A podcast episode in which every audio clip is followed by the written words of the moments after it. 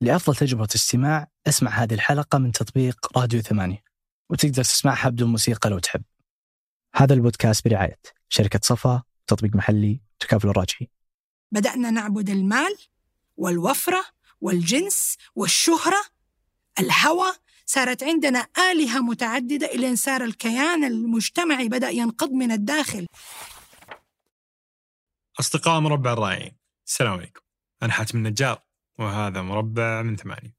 الأسرة نواة المجتمع وحصنها الحصين مقابل كل الشرور. يريدون تدمير الأسرة. الأسرة تحافظ على النمو الاقتصادي والسلم الاجتماعي. شعارات دائما نسمعها. وأعتقد أننا نتفق بشكل تلقائي عن مضمونها. ولكن دائما كان عندي فضول أعرف لماذا الأسرة لها هذا الدور وهذه الأهمية. وكيف تساهم في الحفاظ على المجتمعات ونموها وازدهارها وأمنها وسلمها. وإيش سالفة يريدون تدمير الأسرة؟ من هم وش مصلحتهم؟ وكيف أصلا يتم تدمير الأسرة؟ وما علاقة الرأسمالية والاستهلاكية في ذلك؟ إلى عمل المرأة والتربية؟ إلى دور الزوج؟ وكيف نخلق أسر صحية؟ إلى الأمومة اللي تشوفها ضيفتنا اليوم أعظم عمل في التاريخ. في نفس الوقت تقول يجب أن تكون المرأة فاعلة وعاملة. فكيف تجمع بين هذا وذاك؟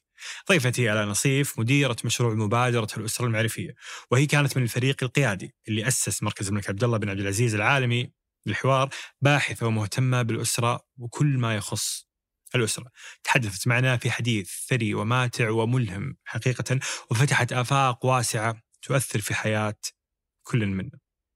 لما تكلمنا عن موضوع الأسرة كانت دائما تعود للمرأة.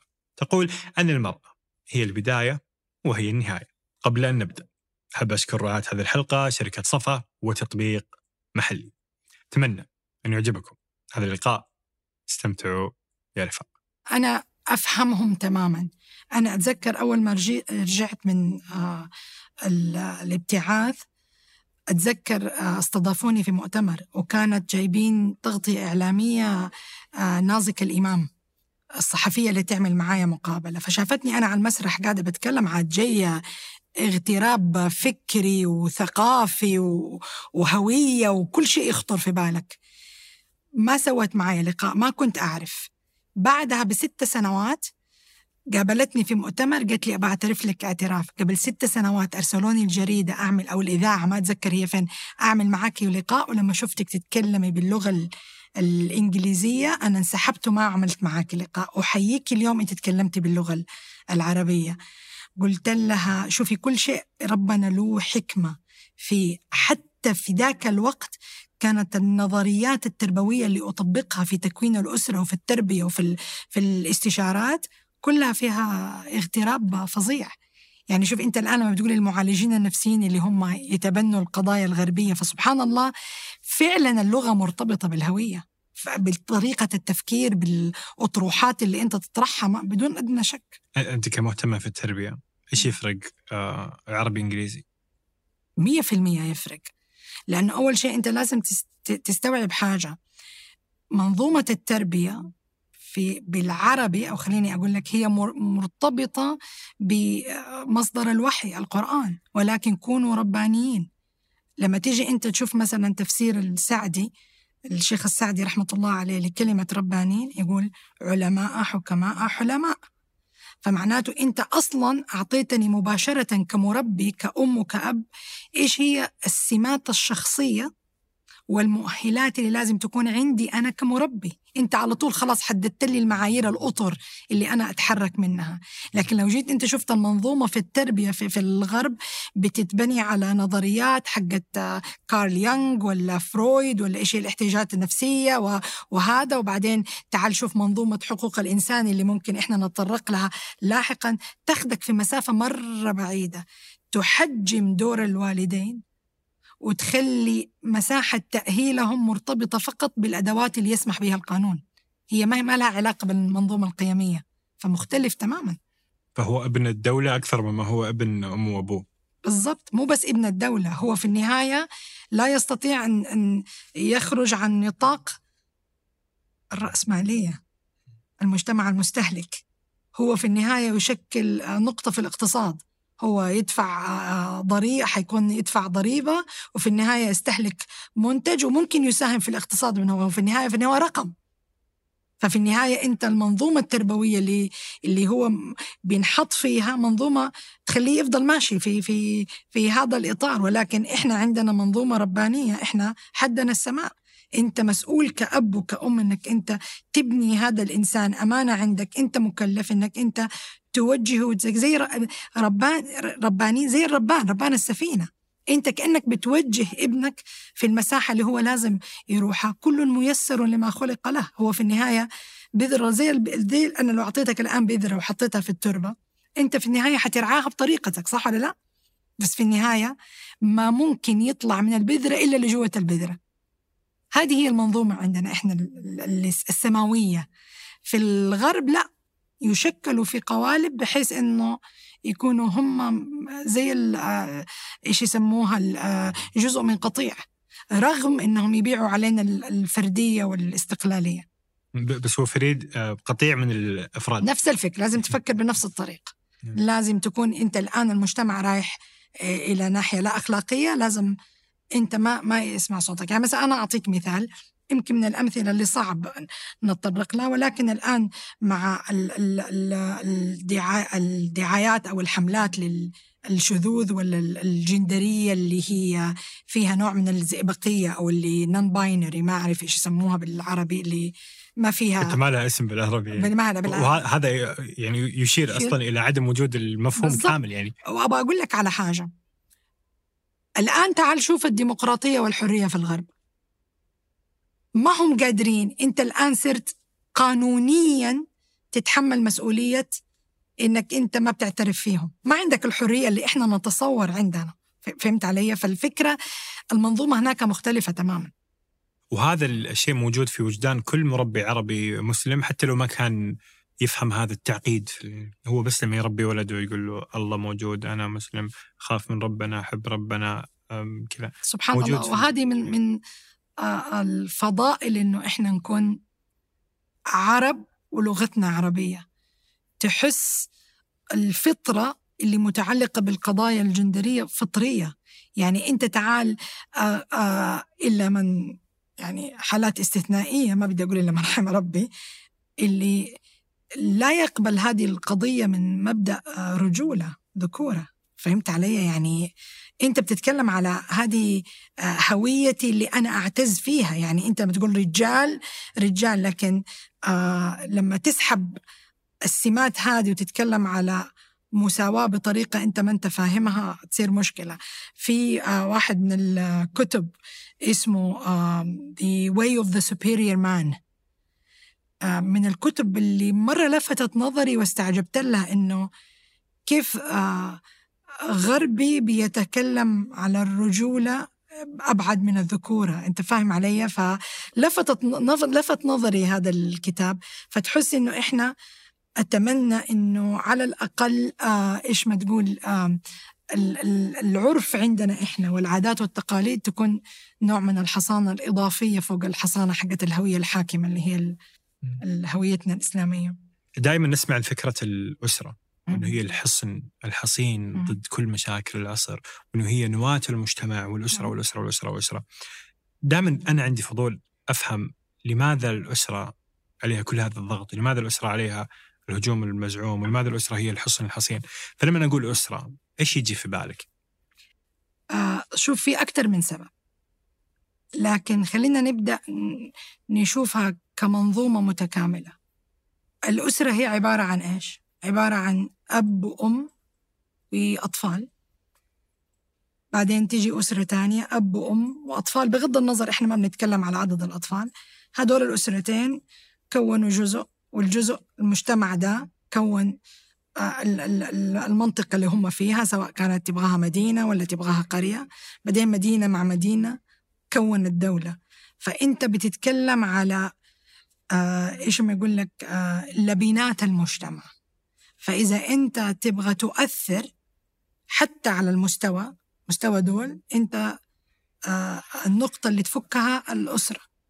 لما تيجي من منطلق آخر لما تيجي أنت تفكر تقول الاقتصاد حق أي دولة من العوامل المهمة فيه رأس المال البشري. رأس المال البشري هو عبارة عن إيه؟ عبارة عن الأطفال اللي بيربوهم هذه الأسرة. فأنت لو جيتها من من أي منطلق أنت حتلاقي الأسرة هي بالنسبة لك زي كأنها الثغر أو أو ال ال ال ال المنطقة اللي ما تقدر تصل فيها لأفراد المجتمع للمواطنين في دولة إلا من خلالهم. يعني أنا أسألك سؤال آه خلينا نروح مثلا ثانوية ولا أي مكان حتلاقي الشباب اللي موجودين فيه ولا البنات اللي موجودين فيه هدول مخرج أسري في لهم أسر هي اللي أشرفوا على غرس القيم عندهم على عقيدتهم على ال ال ال النظرة حقتهم اللي يسموها الورلد فيو اللي هي أنت كيف ترى العالم؟ كيف تتلقى المفاهيم الأساسية؟ كانت في محضن أب وأم اللي هم يطلق عليهم الأسرة.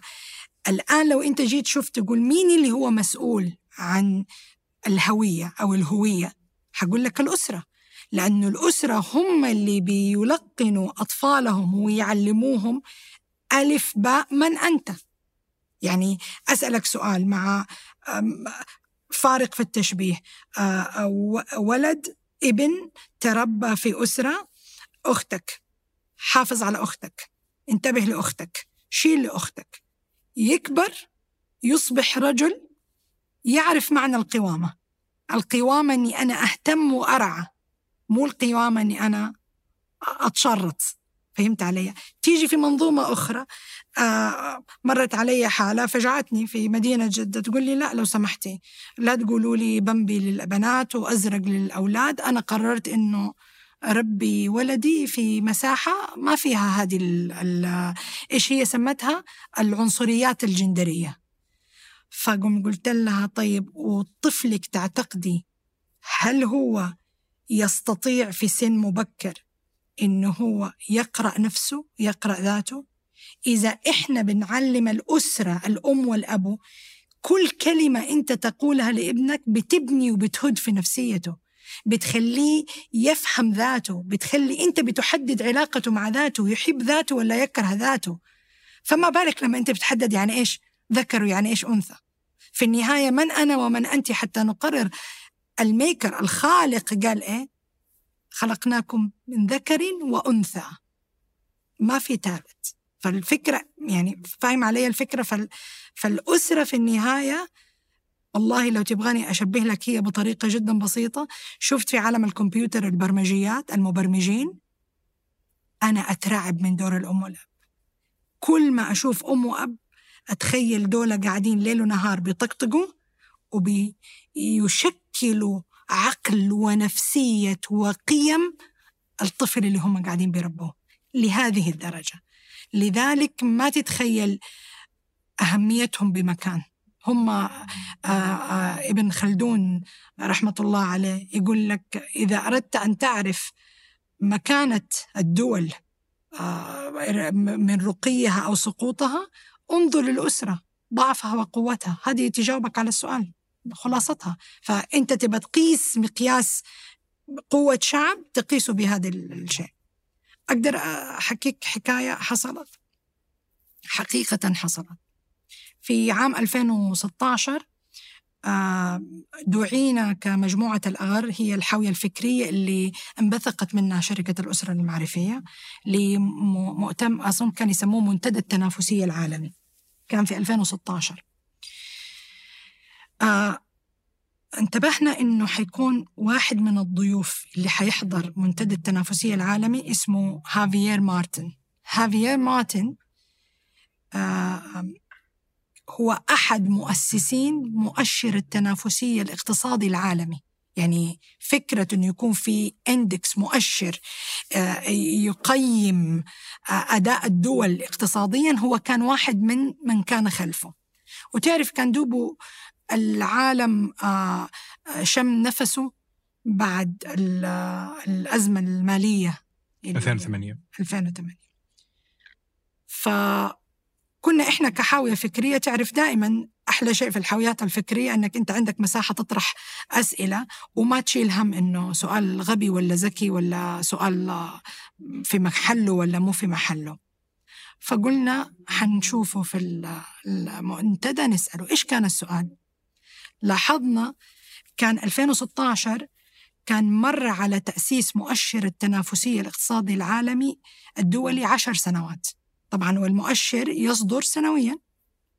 اكتشفنا إنه خلال الأزمة المالية المركز الأول سويسرا والمركز الثاني سنغافور ما انهز مكانهم.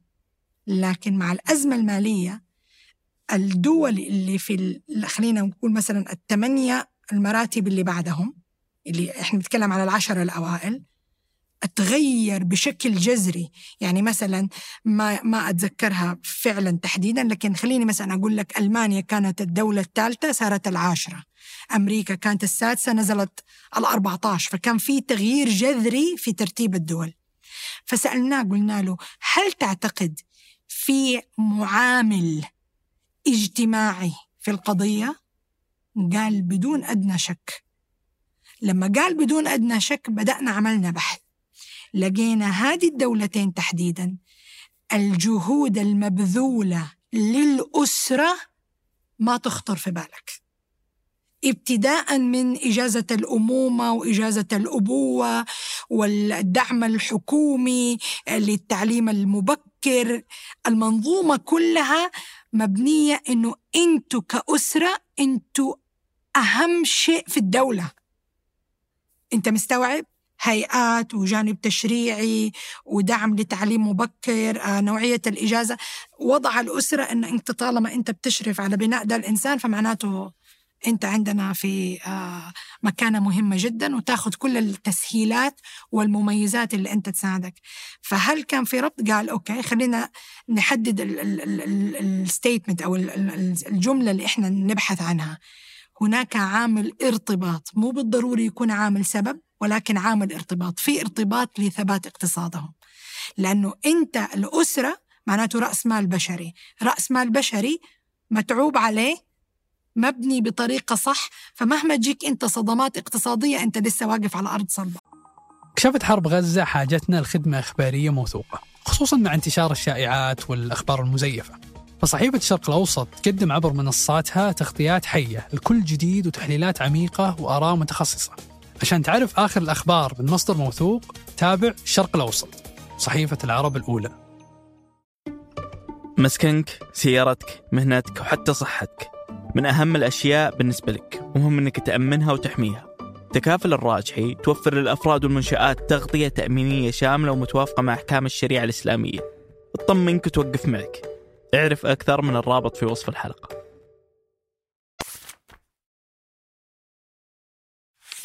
دائما نسمع إنه في مجتمعات فردانية ومجتمعات آه، جماعية ومتمركزه حول الأسرة، هذه يمكن لغة المسيري ومتمركزة حول الذات. إيش الفرق بين المجتمع اللي يقول أنا نواتي هي الفرد الفرد واللي يقول أنا نواتي هي الأسرة؟ أبى أقول لك شغلة قبل ما ندخل على موضوع المسيري. أنا ما أدري عندي منهجية يمكن تخالفني أنت فيها والقرار لك. لو إحنا نبغى نصل أو نقنع أكبر مساحة من الجمهور اللي بيسمعنا أنا أبغى نقطة انطلاقتي ما أقول المسيري ولا أرجع لأقول لك آه، آه، الله عز وجل بيقول لنا مو عشان أهم هو هو مصدر مرجعي اساسي إحنا بننطلق فيه. ولكن اللي أصلا بيس بي بي بيشوف القرآن كمرجع له ما هو مشكلته حديثنا. فهمت علي؟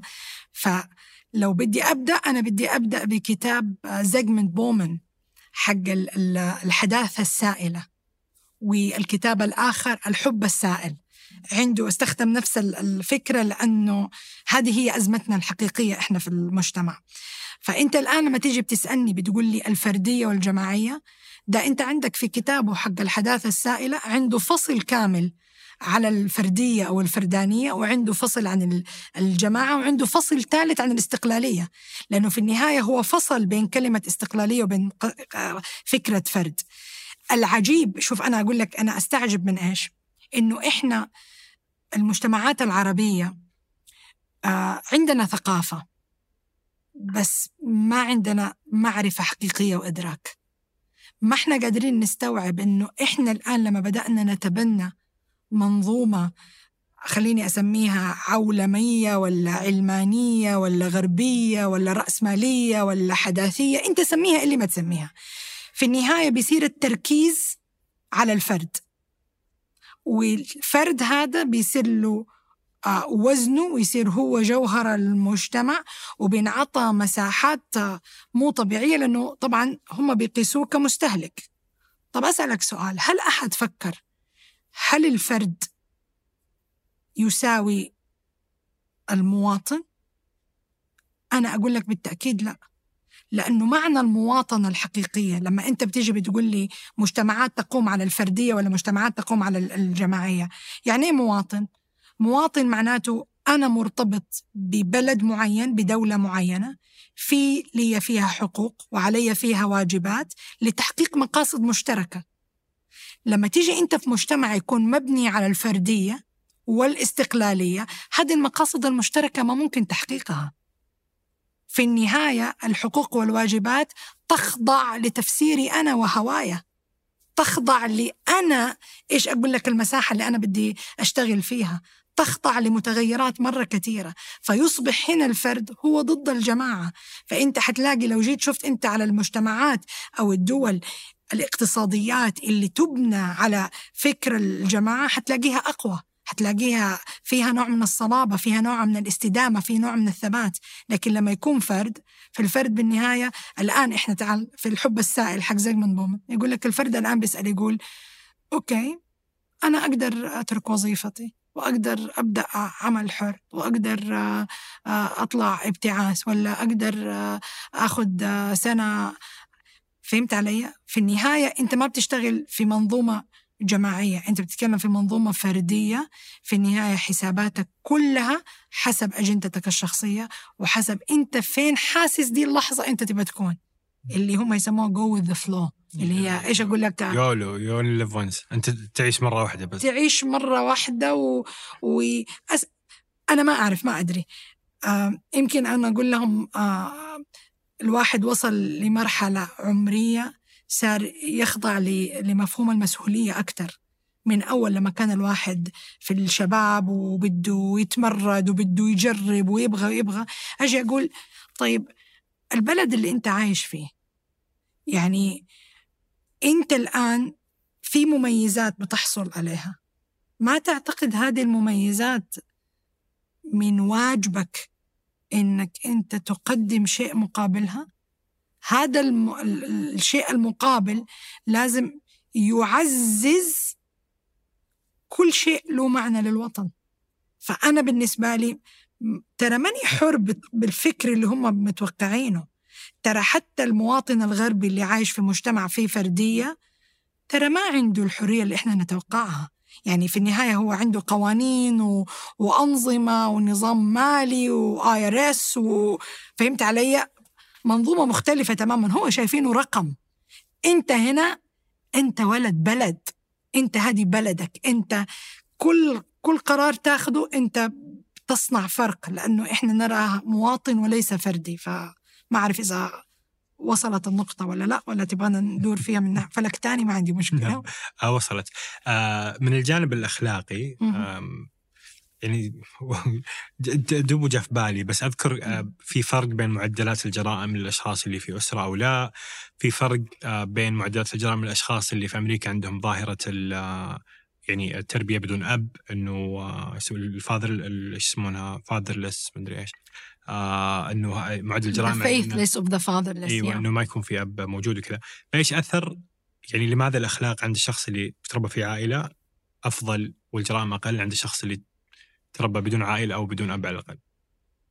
شوف لو لو آخذ دقيقتين أطلع لك إحصائيات تعرف لما أقول لك العلاقة وطيدة ما فيها يعني أدنى شك.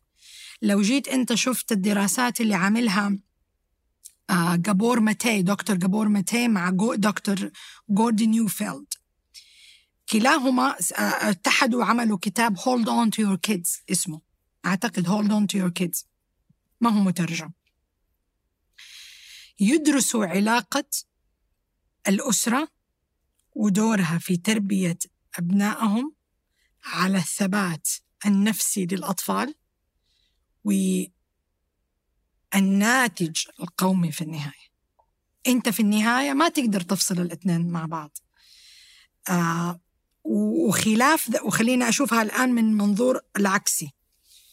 كتاب موت الغرب The Death of the West اللي كتبه دكتور باتريك بوكانن. باتريك من مكانته بمكان مهم لأنه هو في فترة من الفترات كان مستشار آه، ثلاثة رؤساء أمريكان. ما يحضر يمكن نيكسون فورد ريغن تقدروا تشيكوا الموضوع.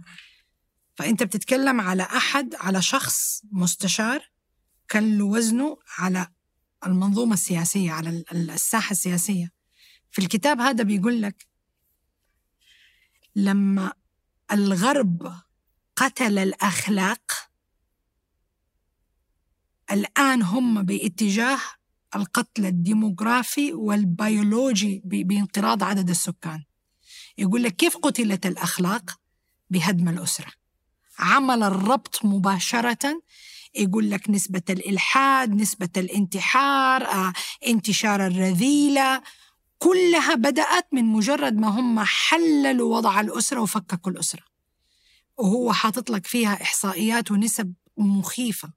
ففي النهاية أكيد في ارتباط بين تماسك الأسرة وبعدين شوف أنا بدي أن أنوه لشيء. ترى مو كل أب وأم متزوجين وراضين ببعض وساكتين على بعض وعايشين حياة تعيسة معناته حيخرجوا لنا ابن سليم ولا كل أب وأم قرروا أنهم يستمروا دورهم كوالدين لكن ما يعيشوا مع بعض كزوجين معناته الولد راح للمخدرات وراح للجريمة. إحنا لا نعمم ولا نستثني ولكن إحنا نتكلم هل في ارتباط؟ أيوة نعم في ارتباط. فإحنا ما بنقول لكم والله أجلس كأب وأم مع بعض في حياة زوجية تعيسة. في عام 2010 اللجنة الاجتماعية في أمارة منطقة مكة المكرمة طلبوا مني أعمل استراتيجية لحد من ارتفاع نسبة الطلاق في منطقة مكة المكرمة. آه, آه، نظرنا في 64 ألف حالة طلاق في في المنطقة. من الشيء اللي فجعني إحنا مو حالات الطلاق اللي فجعتنا. سبعين في المية من الأزواج اللي عملنا معاهم مقابلات عايشين حالة حياة اسمها الزواج الأخرس. يعني بمعنى آخر عشان جبنا أطفال إحنا لازم نكمل في الحياة الزوجية دي. هل أنت تعتقد مخرج الأسرة دي اللي عايشين بس بيحاولوا إنهم يكونوا في الظاهر متزوجين. ما حيكون في أثر سلبي على الأطفال حيكون في أثر سلبي على الأطفال. ليش أنا حكيتك دي الحكاية؟ عشان ما أبغى أحد يفهمني بيسمع أم بتكون مطلقة بتربي أولادها ولا أرملة ولا فهمت علي؟ مو معناته آه، متزوجين تحت سقف واحد بيربوا أولاد معناته انتهى الموضوع. ولكن تماسك الأسرة وجودة العملية التربوية بوعي أكيد تكون حصانة ووقاية من الجريمة. التربية الواعية أكيد مية في المية حيكون لها أثر إيجابي إنك أنت بتخرج مواطن صالح مصلح منتج للمجتمع مية في المية. وعكسه بالعكس. موضوع الانقراض. الآن يمكن بدأ يطلع هاجس. كيف كيف يشتغل هذا الموضوع؟ يعني كيف الانحلال الأخلاقي يقتل الدولة؟ مو بس الانحلال الأخلاقي أنت لا تنسى الانقراض السكاني. الآن هذه ظاهرة بدأ الغرب يعاني منها وذكرها بوكانن في الكتاب عنده. هي كيف بدأت؟ هي أول شيء بدأت بتشريعات إنه تقنين الإخصاب يعني أنت بتتكلم على الأسرة ما لازم يكون عندها أكثر من واحد اثنين ماكسيمم آه، بأقصى حد. فالآن صار عندهم ظاهرة. يعني مثلا في كتابه وأعتقد كتابه يمكن صار له أكثر من عشر سنوات أو أكثر كانت الإحصائيات اللي موجودة فيها يقول لك آه، عدد الجنائز أكثر من عدد المواليد. فأنت بتتكلم إنه في أزمة حقيقية أزمة سكانية حقيقية. في حين لما تيجي تشوف أنت في المشرق عندك في الهند وفي الصين في انفجار سكاني. طب أنتوا بتنقرضوا دولاك بيصير انفجار. ففي النهاية أنت بتتكلم على آه، القوى البشرية. رجعنا مرة ثانية قلنا الأسرة هي اللي تكون رأس المال البشري فبيصير عندك أنت فحطوا أنت الآن لو جيت شفت ال ال الأهداف ال global millennium goals حقت الأمم المتحدة إيش يسموها الأهداف التنموية للأمم المتحدة آه، تقليل نسبة الإخصاب من الأهداف. ليه ما, ما أفهم هذا ال- يعني في- والله. في لها تفسير آه، حق ناس آه، يعني مؤمنين بنظرية المؤامره بس وش تفسيرها يعني؟ طب أنا احكيك حكاية حصلت معي. ما أدري بعدين أنتوا بتخلوها في عام 2006 أنا كنت مبتعثة من ال department state وزارة الخارجية الأمريكية في برنامج اسمه Arab Women Leadership برنامج القيا... القيادة المرأة البرنامج القيادي للمرأة العربية. كنت أنا ممثلة المملكة العربية السعودية. يحطوك في برنامج آه، تنفيذي في جامعة Duke University وبعد كده تشتغل في واحد من ال Top 500 Fortune companies ال 500 شركة لها وكان من شروط البرنامج ده عشان أنا أشارك فيه لازم نكون آه، نشيطين اجتماعيا وسياسيا. يعني بمعنى آخر نحضر المؤتمرات اللي يطلبونا منها نروح نشوف آه، ال- ال- ال lobbying process يسموها ال lobbying اللي هي التفاوض كيف وكيف علمونا في شركات التفاوض مخصوصة يجيبوها شركات القطاع الخاص تتفاوض معاهم في الكونغرس وهكذا. فكان من ضمن المؤتمرات اللي واجب نحضرها مؤتمر جايبين فيه أربع سيدات يمثلوا أربع دول إسلامية آم آه، أنا حقيقة أفتكر اسمين آه، في سيدة أظن اسمها شيء علاقي من آه، أعتقد ليبيا وفاطمة قاسم من لب- آه، لبنان وفي دولتين تانية ما يحضرني اسمها وجالسين على المنصة والقاعة مليانة ألوف. وكانت حتى آه، في المؤتمر حاضرة آه، كريمة الأمير تركي الفيصل أياميها كان سفير المملكة في أمريكا. وأنا دخلت القاعة وهم قدهم بيستعرضوا إنجازات الدول العربية دي في تحقيق الأهداف التنموية للأمم المتحدة. هذه تقول لك زاد نسبة مشاركة المرأة في سوق العمل وهذه تقول لك قلت نسبة الإخصاب يعني بدل ما الأمة العربية تنجب ستة وثمانية صارت تنجب اثنين قاعة تصفق. وبيستعرضوا إنه إحنا كيف الدولة العربية دي اللي هم يمثلوها كيف حققت ال- الأهداف اللي هم يبغوها. قمت أنا بعد ما هم خلصوا قلت لهم رفعت يدي أعطوني الميكروفون قلت لهم أنا أستسمحكم لو كان سؤالي غبي. بس أنا مرة محيرني هذا السؤال وإذا في إجابة له أحد سوى عليه دراسة ولا عندكم إجابة حاضرة دلوني وأنا أسكت. بس أنتوا الآن في ضغط على الدول العربية إنه نحقق هذه الأهداف وأغلب الأهداف تستهدف المرأة تحديدا. أنا ببساطة صار لي أربعة أشهر في واشنطن دي سي. وبعدين أنت لازم تستوعب شيء. وفروا لنا رفاهية يعني برنامج تنفيذي ساكنة فين؟ في دوبون سيركل في واشنطن دي سي. شايفة العز. قلت لهم أنا يوميا أشوف سيدة عمرها 80 سنة تعرفت عليها تروح للعمل عشان تعمل كعاملة نظافة لأنها لا تستطيع أن هي تصرف على نفسها. كل العاملات اللي حواليا يشيلوا هم إنهم راجعين على بيتهم الساعة ستة سبعة لسه وراها تطبخ وتغير حفاض وتنظف بيت فصارت عندها وظيفتين بدل وظيفة. ما هم سعيدات. فإحنا قبل ما نمشي على خطاكم هل في أحد عمل مؤشر مقياس سعادة رفاه اقتصادي؟ هل فعلا هذه الأهداف تحسن من وضعنا؟ بدل ما إحنا نمشي وراكم وأنتوا تكونوا دخلتوا في مكان غلط أنا النساء اللي قبلتهم ما هم سعيدات. وخلتني يوميا أحمد ربنا على النعمة اللي أنا جاية منها. أنا عملي اختياري ما هو إجباري.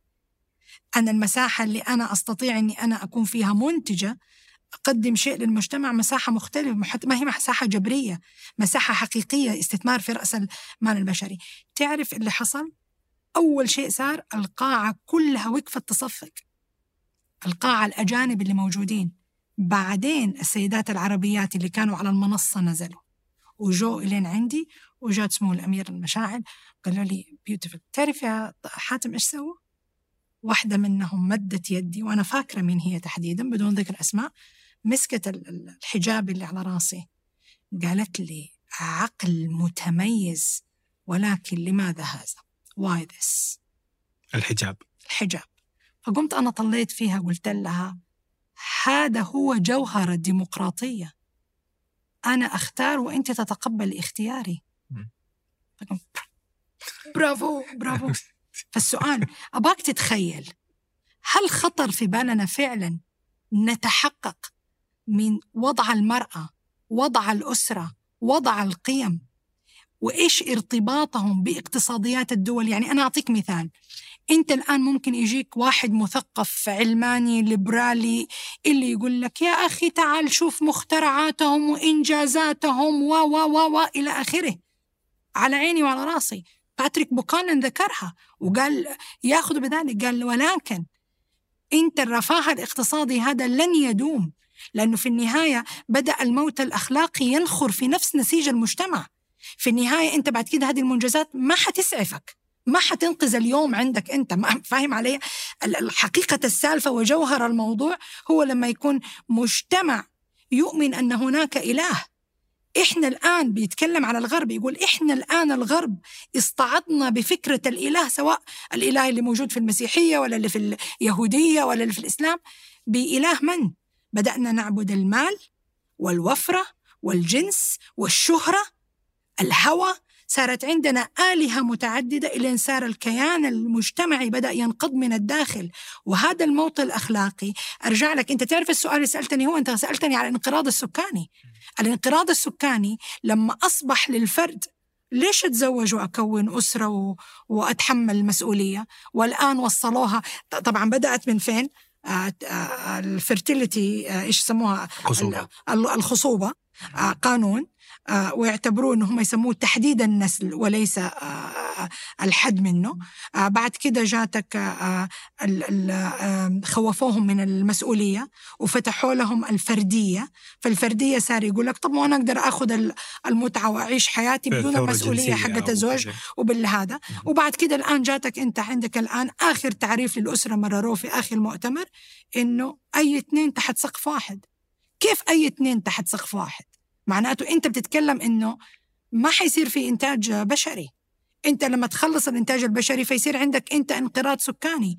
فلذلك تلاقي مثلا زي عندك في روسيا يخافوا من هذا الشيء. في ألمانيا يخافوا من ده الشيء. الانقراض بدا يؤثر فيهم بطريقة ما تتخيلها. وبعدين تعال انت شوف أنتوا هديتوا منظومة الأسرة والزواج. لكن انت الآن عندك ثلث سكان فرنسا غير شرعيين. انت إيش تستفيد لما يكونوا غير شرعيين؟ أنت مستوعب في في إحصائيات دكتور باتريك قبل لما كتب الكتاب كان 25% الآن وصلت آه، ثلث السكان أوف. في أمريكا 25% طب ما أنتوا بتنجبوا بتنجبوا بس أنت بتنجب خارج منظومة الزواج فمعناته ما في منظومة قيمية ترعى هذا الكيان فأنت عندك طب الدولة ما تقدر تستبدل هذا الدور؟ الدولة بمدارسها بوظائفها بقيمها بقيم المواطنة ب ب ب. مستحيل ليش؟ لأنه لو إحنا جينا نحلل كيف الله عز وجل خلق منظومة الإنسان الطفل. الطفل من يوم ما يتولد عنده احتياج فطري للتعلق اللي هم يسموهم ال attachment models ولا theories هذا التعلق ما ممكن يملأوا بشكل صحيح إلا الوالدين. وطبعا أبدع دكتور ماتي ونيوفيلد في كتابهم Hold On to Your Kids أبدعوا في وصف هذا الاحتياج وأبدعوا في تحليل إنه ليش فقط الوالدين أو الراعي اللي هم يسموه طب تقول لي طب طب الأيتام طب تقول لي طب الجدة طب تعرف لما أنت بتتكلم أنت بتقول الأسرة الممتدة كنا بنتكلم قلت لي أنا شخصيا أؤمن بالأسرة الممتدة لأنك أنت بتتكلم أنت تبغى أحد يكون قريب من الطفل الطفل يستطيع أن يكون في نوع من المواءمة أو التناغم. العرقي الديني الثقافي الحضاري اللغوي. أنت بتؤسس إنسان. أنت بتبني إنسان. فأنت لازم الشخص اللي يكون قريب من ده الإنسان يكون عنده هذا الشيء. طيب كيف يتعلم الطفل؟ هذا السؤال يجاوب لي مو دولة الطفل يتعلم بالحب. الطفل يتعلق بشخص فيبتدي يحاكي هذا الشخص يتعلم بالمحاكاة فهو عنده نموذج قدوات. وهذه القدوة لازم تكون بشكل يومي في حياة الطفل حق حتى الطفل يتشرب هذا. عندك أول سبع سنوات من حياة الطفل يتعلم بالمحاكاة ما عنده أي شيء تاني. فهو يحاكي ماذا؟ أنت دحين شوف أنت الآن مو بس مشكلتنا ما يقدر يتعلم من الدولة. ربنا لحكمة أرادها لازم يتعلم من الوالدين. لأنه أنت لما تيجي تتكلم على الهوية إيش هويتنا عبارة عن إيه؟ عبارة عن آه، آه، عناصر مكونة من آه، خلينا نقول ثقافة وتاريخ مع لغة مع دين طيب عشان تنتقل من جيل إلى جيل لازم يكون في فارق عمري ولازم الانتقال يصير كده الآن أولادنا لما انشغلوا الأم والأب بالحياة المادية الرأسمالية كمستهلكين كحياة كرفاهية زي ما بيقول دكتور بومن صار في فراغ في حياة الطفل. الطفل فطريا لازم يملأ هذا الفراغ. راح ملاه بإيه؟ بالشاشات بوسائل التواصل الاجتماعي بالأصدقاء. طب أنا أسألك سؤال. أنت وأصدقائك الآن لو جينا نتكلم شيء أفقي. العلاقات الأفقية هي تسمح بالانتشار ما تسمح بالانتقال. لأنه مهما كانت محصلتكم في سنكم أنتم حتكون مختلفة عن محصلة الوالد والوالدة صح ولا لا؟ غير محصلة الجد والجدة. فعشان تنتقل اللي هو الإرث ينتقل لازم ينتقل من جيل إلى جيل. في النهاية وظيفة الجيل نفسه هو الانتشار مو الانتقال. فمعناته ما ينفع تجيب لي جهاز دولة يشرف على هذه القضية. لذلك تلاقي أنت من المبادرات الجميلة في بعض الدول ياخذوا حتى دور الأيتام يدربوا راعي اليتيم أنه كيف يقوم بدور الأم.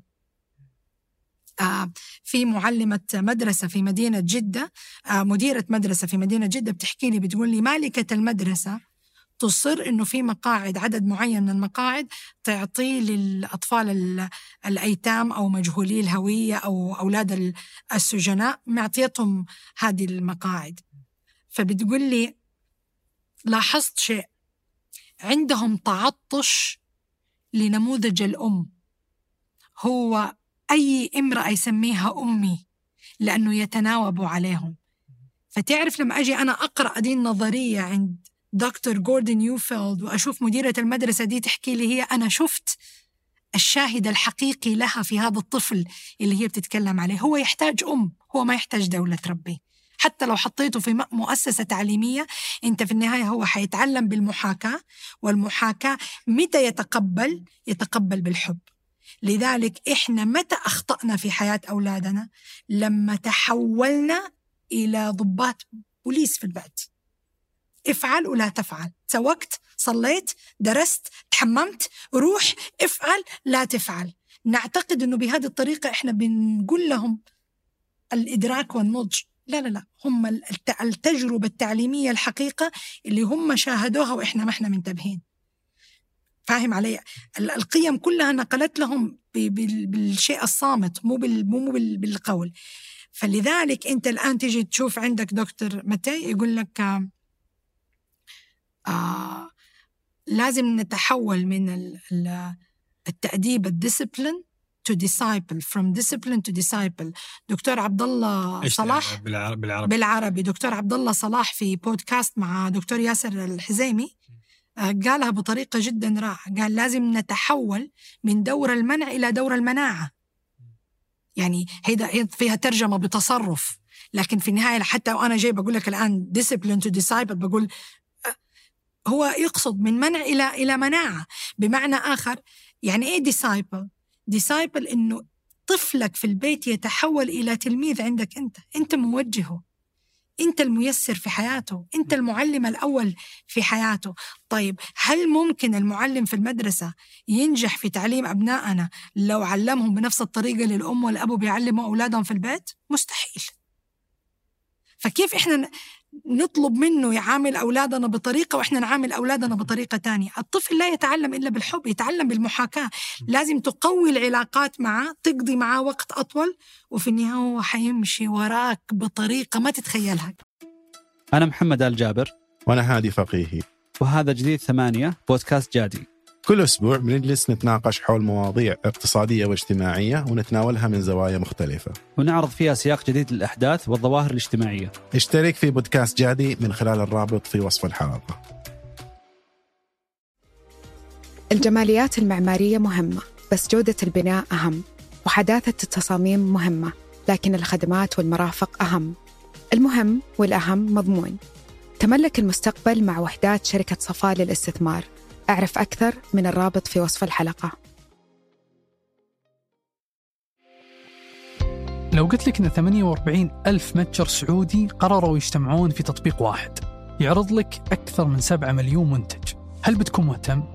هذا اللي صار في تطبيق محلي من شركة سلة التطبيق اللي يجمع كل متاجر سلة مع منتجاتها في مكان واحد. حمل تطبيق محلي من الرابط في وصف الحلقة. الشاشه مو هي الوحش الأكبر الآيباد والج... دائما لاحظ الأباء عندهم مشكلة مع الآيباد اللي أخذ عيالنا هو الغياب الغياب اللي خلاه يأخذ الآيباد. والشاشة ظهرت لسد الغياب سد الفجوة. مهم. الطفل لازم يتعلق بشيء. فأنت تخيل بدل ما هو يكون دحين مثلا تخيل لو أنت طفلتك معك الآن أنت بتكون بتكلمها بتحكيها تسألك سؤال أنت بتجاوب هذا السؤال. في نوع من نوع التفاعل. لكن الطفل هو ماسك ال- الشاشة في يده هو بيصير متلقي صامت سلبي من طرف واحد. شوف سبحان الله حنرجع مرة تانية لزيغموند بومن. بيقول لك الجيل ده مجرد ما أنا مليت إيش حسوي؟ حضغط زر انتهى التفاعل. فالإنسان الحداثي ما صار في عنده قدرة على التفاعل. الطفل الصغير ده اللي قاعد على الشاشة إحنا حرمناه من مراحل مرة خطيرة. دكتور نيوفيلد يقول لك لازم يكون في نوع اسمها emergent. emergent اللي أنت تخلق عنده الدافع الذاتي لفعل الشيء اللي أنت بتطلبه منه. اللي هو يسموها التربية بالإقناع وليس بالإجبار. اللي هي المناعة وليس المنع. بمعنى آخر لما أجي أنا قم صلي قم صلي قم صلي قم صلي. نقول لساننا لسان حبل لساني صار سبحة وأنا أقول قم صلي وابني ما يقوم نصلي. ونقوم بعد ثلاثة سنوات قم صلي. وكان في كمان لما يقول في آه، تحيز ونوع من الاختيار متى أقول له قم صلي. خلينا ناخذ واقع مثال. صلاة الفجر. يقول لك لا يا أبويا خلي نوم الظالم عبادة. لا تصحي صلاة الفجر. لكن لما يصير عمره عشر سنوات حينضرب بالحزام على صلاة الفجر. طب أنت ضيعت عليه فترة التدريب. هو ما تدرب لفترة التدريب لأنك أنت تبغى منطقة الراحة دي. ورجع دكتور بومان يقول لك عدونا الأول منطقة الراحة دي اللي إحنا ما نبغى ندخل فيها. طيب إيش اللي بيحصل الآن؟ لما أجي أنا ما أكون متفاعل في تعليم ابني فكرة زي فكرة الصلاة. الدكتور جاسم المطوع وأعتقد حتى دكتورة هبة حريري أعتقد مرة حولت لي دراسة عملوها دراسة فقهية على حكاية مروا أولادكم للصلاة لسبع مروم عليها لعشر. مو بالطريقة اللي إحنا فهمناها اطلاقا. يقول لك لما تقول لك مروا أولادكم للصلاة لسبع معناته أنت عندك ثلاثة سنوات تدريب. اضرب عدد الصلوات في الثلاث سنوات تطلع في حول ال 5347 صلاة ولا 43 صلاة ولا 34 صلاة حاجة زي كده. كم أم وأب شفتهم. بدي عدد المرات يقفوا مع أولادهم اللي هو لسه عنده فرط حركة ومو قادر يوقف مكانه. واقفين بيصلوا وبيعطيله معنى الصلاة وليس طقوس الصلاة. يعني 5000 مرة. خمسة آلاف مرة في توقيتها اللي فرض الله عز وجل في سابع سماء. يعني أنا أسألك سؤال لو أنا ابني الآن وكل أغلب أبنائنا ماشيين ال- الآيبادات في يدهم صح ولا لا؟ لو جيت قلت له حبيبي جاء وقت أنت تشحن. حط جوالك يشحن آيبادك يشحن وأنت تعال اشحن. ماما كيف أنا أشحن؟ تعال. تعال نسولف مثلا. تعال. نصلي. آه. صلاتك صلاتك هي شحنتك. فهمت علي؟ لأنك أنت في الصلاة بترجع تتصل. الصلاة صلة صح ولا لا؟ طيب لما أرجع أديله معنى آخر في بعد شهر أقول له حبيبي تعرف إن الله عز وجل يقول قسمت الصلاة بيني وبين عبدي نصفين؟ قال الحمد لله قال حمدني عبدي. يبتدي يستوعب ربنا بيكلمني؟ أيوه أنت في حوار مع ربنا. معاني الصلاة عندك ثلاثة سنوات تعطي له معاني الصلاة قبل أن يصبح ملزم. دكتور جاسم طبعا يقول لك ما يجوز تمد يدك على طفلك وعمره عشر سنوات لو أنت قصرت في فترة التدريب. لأنه في حكمة ربانية أعطاك هذه فترة التدريب قبل ما يوصل في هذه السن. هو الآن فترة إنك أنت بتقولب القضية بتزرع العقيدة موجود عنده بتنقل له هذه المعاني حتى تصبح شيء يحاسب عليه لاحقا. فالفكرة أنه إحنا كيف نعلمهم؟ إحنا ما صرنا نبغى نصرف هذا الصرف. ما نبغى نتعب. صرنا نعطيهم الآيبادات عشان إحنا يوم طويل في الشغل وبأسس شركة والأم بتشتغل وزي كذا طيب آه آه screen time شاشة 35 دقيقة. طب أنت قدك هذه حقت الضمير الضمير بس. بالضبط. أنت أعطيته هي زي اللهاية زي ال pacifier أديته قلت له أنت الآن سكت نفسك بهذه الطريقة. لو قرأوا كتاب دكتور زيغمن بومن يقول لك انت إيش قاعد بتسوي فيه؟ دكتوره هيفاء الروقي يمكن من الشخصيات اللي يبغى لك تستضيفها يا حاتم. متخصصة في قضية أثر الشاشات والأجهزة الذكية عن على الأطفال. يا القضية ما أعرف إيش أقول لك. أنا أتمنى يصدر فيها قانون. أنا أتمنى الدولة تشرع غرامة على الوالدين. إحنا بندمر رأس المال البشري. اقتصاد الدولة في خطر. ما هو مزحة. لأنه الطفل لما يبتدي يتعود على وقت الشاشة هذا أنت ما أنت عارف إيش بتسوي؟ في طاقته الاستيعابية في قدرته على التحمل في قدرته على التفاعل قدرته على التفاوض. لما أنت تيجي تشوف إنه هو لازم يكون في عنده حافز داخلي حرمناه من هذا الحافز الداخلي إنه صار هو آه، متلقي سلبي. بعد كده يجي الخطوة الثانية اللي بعدها لازم هو يتكيف integrate مع مع القضية هذه. مثلا لأنه صار عنده خيار. أي مساحة ما تعجبني طق طفيت الشاشة. شخص ما عجبني انتهى. لذلك تلاقي حتى في علاقاتنا صارت علاقات عبارة عن transactional تعاقدية. أنا وياك على الحلوة. أول ما تيجي المرة قلبت الصفحة وكمان زي كأنك dislike block إيش هم يسموها ما أحب صرنا نرى العلاقات بهذه الطريقة. لما الطفل الآن عمره سنتين أبغاك تختبر تجربة اجتماعية. طفل عمره سنتين أعطي له أي جهاز. حتلاقيه إصبعه بيعمل زي كده. خلاص بدأوا ولفوا في هذا ال system. صار أنا عندي قدرة إني أنا أتلقى وأختار والحياة كلها اختيار. طب مين فينا يختار حياته؟ مين فينا يستطيع أن يتحكم في أقدار حياته؟ معناته إحنا ما أهلناهم للحياة. إحنا اشترينا وقت مستقطع عشان نشم نفسنا؟ أو ممكن يكون من باب التدليل ما أبغى ولدي يحس ما عنده أحدث جوال ولا أبغى ولدي ما يكون هو قاعد مع أصحابه في مدينة تانية قاعد بيلعب صح ولا لأ؟ نحزن عليهم. في النهاية لو يعرفوا الوالدين هم إيش حرموا أطفالهم يترعبوا. فكر تستضيفها. فعلا حلقة لازم تطلع. جميل أكيد. أكيد تحمست جدا للموضوع. آه وهي يعني حرب صراحة يعني آه توني داخل على الابوبه آه ومن الآن قاعد أشوف قد إيش مغري إنك ترميه على شاشة.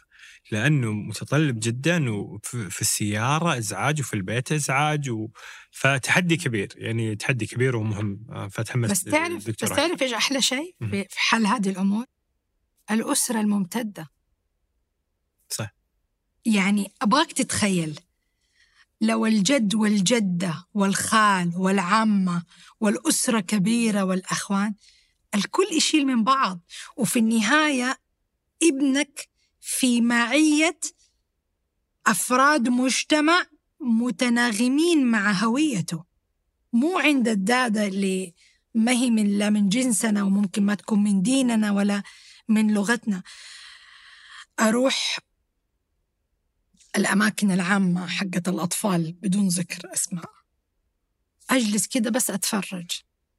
الطفل لا جملة إنجليزية صحيحة لأنه الدادة اللي بتربيه الإنجليزية ما هي لغتها الأولى ولا عربي صحيح.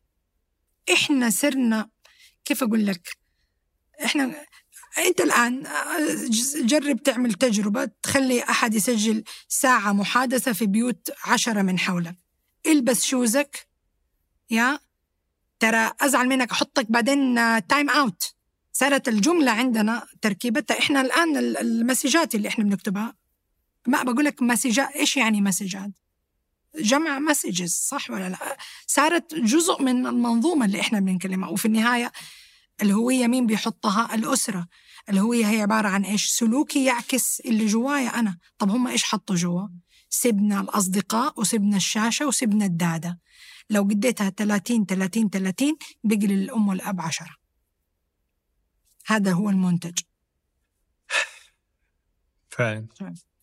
آه عندي أسئلة كثير. قل لي. عندي أسئلة كثير. وقفني حذرني حذرني عبد الكريم من من كثرة افكاري طيب بس هم هو هو كل شيء كل شيء مرتبط. لو افترضنا إن في منظمة سرية عالمية هدفها هدم الأسرة. أوكي؟ إيش حتسوي عشان تحقق أهدافها؟ مو إيش تسوي إيش سوت؟ إحنا بنتكلم طيب تبغاني اللي اللي ودك طيب آه في دراسة دكتوراه أعتقد من الجميل إنك تطلع عليها اسمها المواثيق الدولية وأثرها على هدم الأسرة.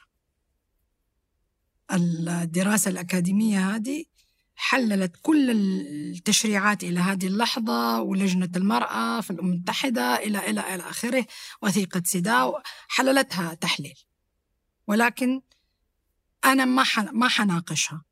لأنه في النهاية لما يكون شيء متعلق بالسياسة أعتقد آه، في كل دولة في الكيانات اللي هي بتشرف فيها وإحنا عندنا مجلس شؤون الأسرة أس- أسرة هم مختصين بتحليلها وكذا ولكن إيش اللي حصل؟ أنت الآن لما تيجي تقول لي طيب قولي لي إيش حيسووا ولا إيش سووا؟ أنت عندك مجموعة من الأشياء اللي بدأوها وتحققت مو هي لسه في خضم. اللي يزعل فيها أكتر شيء إنه استخدموا فيها المرأة ضد المرأة. هذه أكتر شيء أنا يزعلني. واللي يزعلني فيها اللي أدلجوا ولا اللي هم بيرعوا هذه الأجندة هم من يدعوا أنهم هم نسويات. في النهاية نسويتهم اللي هم تبنوها هي ضد النساء وضد أنوثتهم ضد الفطرة أصلا. فأنت لما تيجي تقول لك كيف ممكن يهدم الأسرة؟ أول حلقة الأم. الأم اشتغلوا عليها على مسارين.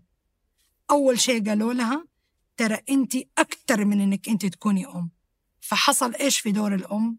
خلوا له يضمحل وخلوه كأنه درجة تانية. يعني آه، قالوا لها أنت أكتر من أنك أنت تكوني أم.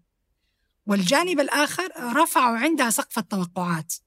قالوا ترى أنت لو خرجتي وشاركتي في سوق ال- العمل أنت حيكون تحقيق ذاتك مساحته أحلى أك- أكبر وأنت تستطيع أن يكون آه، رقم في الناتج القومي وأنت تقدري حتى لو مسكتي نفس وظيفة زوجك أنت تقدري تكسبي أكتر وأنت مكانك هنا. وأنت أصلا ربنا خلقك عندك تعددية المهام فأنت تقدري تنجزي كده. طيب على قول دكتور نيوفيلد يقول لما الأب والأم خرجوا اشتغلوا برا مين بيربي ال- الجيل؟ فبس عشان أنت سألتني كيف هدموا الأسرة. أول أول شيء وحبيبتي الأم أتذكر في عام 2012 سوينا دراسة نبغى نفهم أنماط الأسرة في مدينة جدة. درسنا 1200 أسرة. من ضمن الشخصيات اللي عملناه معاها مقابلة شخصية آه، كانت مديرة جامعة الملك عبد العزيز. فقالت تصدقي يا آلاء الأم العاملة عشان هي تشعر بتأنيب ضمير إنها سابت هذه المساحة سابت هذا الثغر بترجع تعوض لما ترجع. ال- ال- المصيبة في الأم اللي جلست في البيت وما وعت دورها فهي نايمة إلين الظهر ولما تصحى الظهر تقعد على المسلسلات التركية وبتأرجل الأرجيلة حقت. فالفكرة أنا ما أبغى أحد يفهم إنه خروج المرأة لسوق العمل في حد ذاته هو الضرر. عدم فقه المرأة وإدراكها كأم إيش يعني أم؟ طب أفرض طب أفرض أنا أرملة ولا أفرض أنا مطلقة ما عندي من يعولني. معناته أنا لازم أخرج للعمل لكن في النهاية الأم الواعية لدورها تعرف هي كيف تعمل التوازن هذا. ولكن لما خرجت برا وصار طموحها بعدين لما جو قالوا لها تحقيق الذات لعبة تحقيق الذات إيش عبارة؟ إنه أنت لو اكتفيت أنت قلت لي طالبتين مروا علي في مساحة تدريسي. واحدة متخرجة هندسة كهربائية من جامعة خاصة في جدة والثانية متخرجة آه، كيمياء حيوي وكلاهما تخرجوا مع مرتبة الشرف الأولى. ظروف الحياة قرروا يتزوجوا وخلفوا وجابوا أولاد. تقول لك وصلوا لمرحلة مضطرين يقفلوا وسائل التواصل الاجتماعي عشان بدأوا الضغط المجتمعي من صديقاتهم. تركوا وظائفهم؟ ما اشتغلوا. ما اشتغلوا آه. تخرجوا واشتغلوا أمهات. هم هذه قصة شخصية بالنسبة لي. طيب. تقول لك صبروا سنة صبروا سنتين. في النهاية ما استحملوا الضغط والبرمجيات اللي بتحصل في وسائل التواصل يا حرام كرفتي في الجامعة مرتبة الشرف الأولى وفي النهاية حتقعدي في البيت تشتغلي أم. والله أخ حاتم لو شفت المنتج الحضاري اللي ربوه. أتمنى أمسك أولادهم وأدور فيهم في حول حملة وطنية أقول للأمهات ترى أنتوا بتقدموا للناتج القومي شيء ما تتخيلوه. هذا رأس مال بشري يشترى بالفلوس. شهادة الكيمياء الحيوي والهندسة الكهربائية أعطتهم القدرة إنهم هم يربوا هذول الأطفال بهذه الطريقة بناء الإنسان ما هي وظيفة أي كلام. فلما هدموها استخدموا المرأة في هذا الشيء. رجعوا مرة ثانية الأجندة الثالثة قالوا لها كيف في الأسرة؟ لازم ندية أنت وياه تداقشوا آه بعض. ورجعوا باعوا علينا إنه الأسرة تقوم على عقد تشاركي في أدوار وليس عقد شرحي شرعي تراحمي. كيف هذه تفرق في منظومة الأسرة؟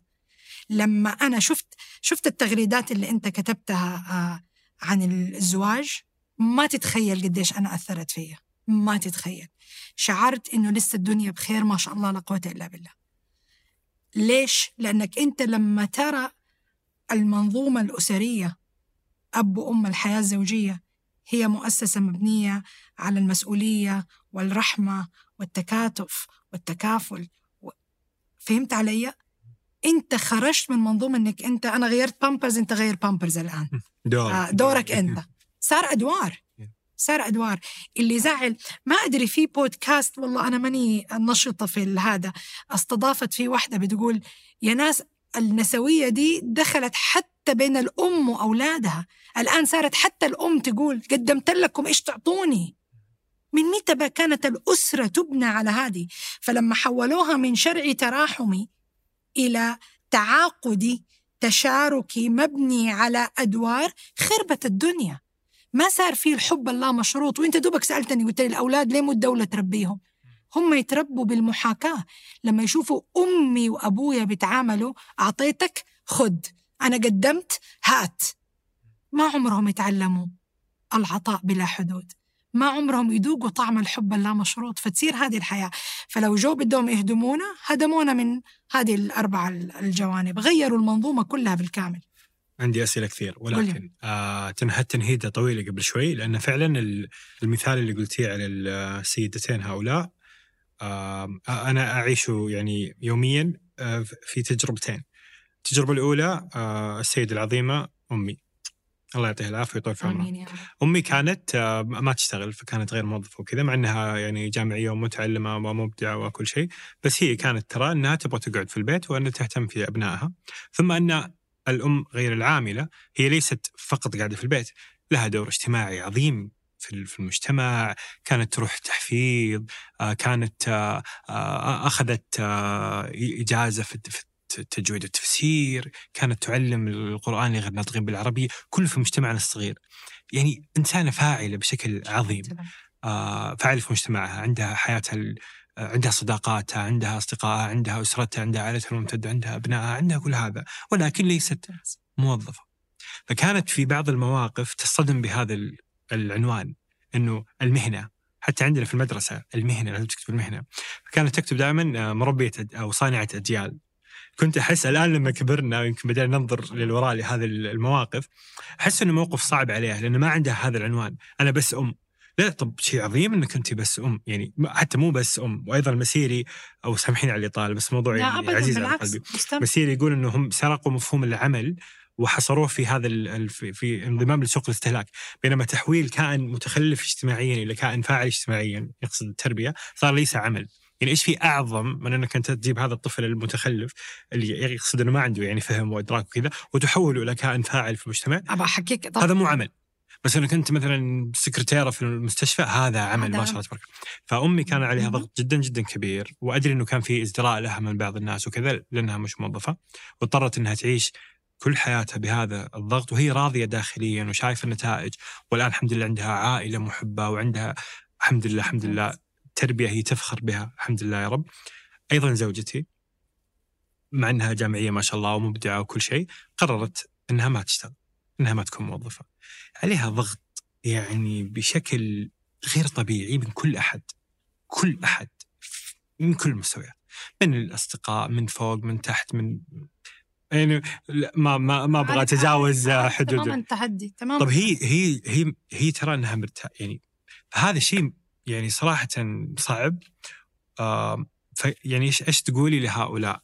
أول شيء بس عشان يعني أأيد الكلام اللي أنت بتقوله في آه، مصطلح آه، كتبته أستاذة هدى النمر في كتاب اسمه الأسئلة الأربعة. اسمه امرأة عامرة لا عاملة. لما المرأة تكون داخليا ممتلئة ودكتور ياسر الحزيمي عنده مقولة الممتلئ لا يمكن رجو رجو ولا خلطه. صح ولا لا؟ لما تكون عامرة من جوا المعاني اللي تعني لي أنا أنا مرجعيتي الذاتية. أنا في عندي مستندات أصل عليها مو العولمة والرأسمالية والوسائل التواصل الاجتماعي لهذه ف حقيقة ما شاء الله إلا بالله الله يثبتهم ويقبل منهم ويكتر من أمثالهم. دكتور المسيري لو أنت جيت سألته وقلت له في كتاباته إيش دور الأسرة؟ يقول لك التأهيل الاجتماعي والثقافي. وتلبية الاحتياجات الأساسية للإنسان ليتحول من حيوان أعجم إلى إنسان. طب أسألك سؤال. أنت الآن لو أخذت لي هذه السطرين وحطيت جنبها وصف وظيفي وحطيتها كده حتلاقي. مسمى وظيفي قد كده كبره. صح هذا دور الأم. طيب خلينا نروح لنفس العالم الغربي اللي الآن صدر لنا الفكر الاستهلاكي والفردية. وفكفك قضية الأسرة. ليش حطوا قيمة نقدية monetization للزوجة اللي تقرر تجلس في البيت تكون هوم ميكر تكون أم؟ تاخذ نصف ثورة ثروة زوجها. لأنه يقول لك جلستك في البيت وإشرافك على تربية الأولاد تستحقي نص أملاكه. فمعناته قدروا يعملوا مقياس رقمي لجلستها في البيت. طب ليش إحنا هذه المنظومة ما تنتقل لنا؟ ليش كل من ما هب ودب خرج لسوق العمل؟ ليش ارتبط عندي أنا الآن كأنثى مسلمة في بلدي إنه التحقيق ذاتي مرتبط بانا إيش المسمى الوظيفي حقي؟ أنا ولا كم حسابي في البنك ولا كم الراتب اللي أخذه؟ ليه ما هو مقياسي أنا إيش قدمت لبلدي في رأس مال البشري؟ آه أتذكر عندنا في منطقة مكة المكرمة أول ما بدأ الأمير خالد الفيصل بعملية الإصلاحات و- وسوى لنا الكورنيش وحطوا البسكليتات هناك تاني يوم جو لقوها مسروقة ومكسرة. هذه الظاهرة اللي خلتنا نعمل الدراسة في 2012 ليش مواطن في بلده ما عنده احترام للممتلكات العامة؟ ليه ما شافها ميزة له يحافظ عليها وهدمها؟ لما جينا عملنا لقينا 80% من الأسر بعيدة تماما عن المنظومة القيمية والتربوية. حتى الأم اللي جالسة في البيت أم كنبة. أنا أسميها أم كنبة وزواج أخرس. فهمت علي؟ فالفكرة أنه هل إحنا واعيين؟ يعني إيه أم أم فين كانت الأم؟ أول شيء يقول لك الأم تهز عروش الدول بيمينها. هذه الأم الأم اللي مهما كبرت درجتها وأخذت المؤهل هي في النهاية بتشرف على بناء عقول بتشكل رجل المستقبل بتشكل ما أعرف بس هذه ال- ال- البنت الجامعية وهذا تقريبا صار المسار الطبيعي لجميع الناس حتى سن الزواج بدأ يتأخر مم. فمعظم البنات سيكونون سيتلقوا دراسة جامعية. كيف كيف تبرر لنفسها اولا ثم لل- للعالم من حولها أنها هي بنت جامعية عندها هذا السلاح اللي تستطيع دخول سوق العمل والإبداع فيه وهي إنسانة. مبدعة ومفكرة وعندها ذكاء عالي وعندها قدرة عالية ثم تعتمد على وضع زوجها المالي ووضع زوجها الذه- الذهني إنه إن شاء الله يجيني زوج آه، يحترمني وكذا آه، والأمان و- كيف؟ يعني قرار ما هو سهل. مرة سؤال رائع وحتتحملني أجاوب عليه. ثلاثة نقاط. النقطة الأولى. لما ربطنا الدراسة بسوق العمل ما صرنا قدنا شايفين لها غاية أخرى. لكن لو خلينا العملية التعليمية هي تعلم لمدى الحياة يعني أعطيك مثال. يجيني طالب في أولى ثانوي يقول لي فهميني ليش ندرس لوغاريتمات في الرياضيات؟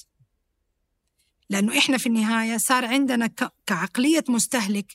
أنا لازم تقولي لي هذه أنا كيف حصرفها بعدين؟ صح ولا لا؟ okay في السوبر ماركت حتى الآن ممكن واحد يتفاوض معي يقول لي أنا حتى الجمع والطرح ما أحتاج أعرفه لأنه صار فيه. آلات حاسبة يا ابني اللوغاريتمات مداها أبعد من كده. أنت كل عملية حسابية أنت بتحلها أنت بتعمل روابط عصبية بين الجانب الأيمن الشق الأيمن من دماغك والشق الأيسر من دماغك. وكل ما هذه الروابط العصبية كانت أقوى كل ما أنت كان تفاعلك وذكائك وإدراكك و- أعلى. فالفكرة فإحنا التعلم هو ليس فقط عشان سوق العمل. لما ربطوه بسوق العمل ترى حطوا له محدودية كبيرة جدا. لكن أول كان التعلم مدى الحياة. كان التعلم أول في أكثر من من علم في أكثر من ديسبل ما كان في تلاقي أحد متخصص بس رياضيات تلاقي رياضيات وفلسفة وفلك وفقه. أنت مستوعب في الفكرة. لأنهم كانوا بيتعلموا عشان يكونوا إنسان فاعل. شفت الكلمة اللي أنت قلت إنسانة فاعلة؟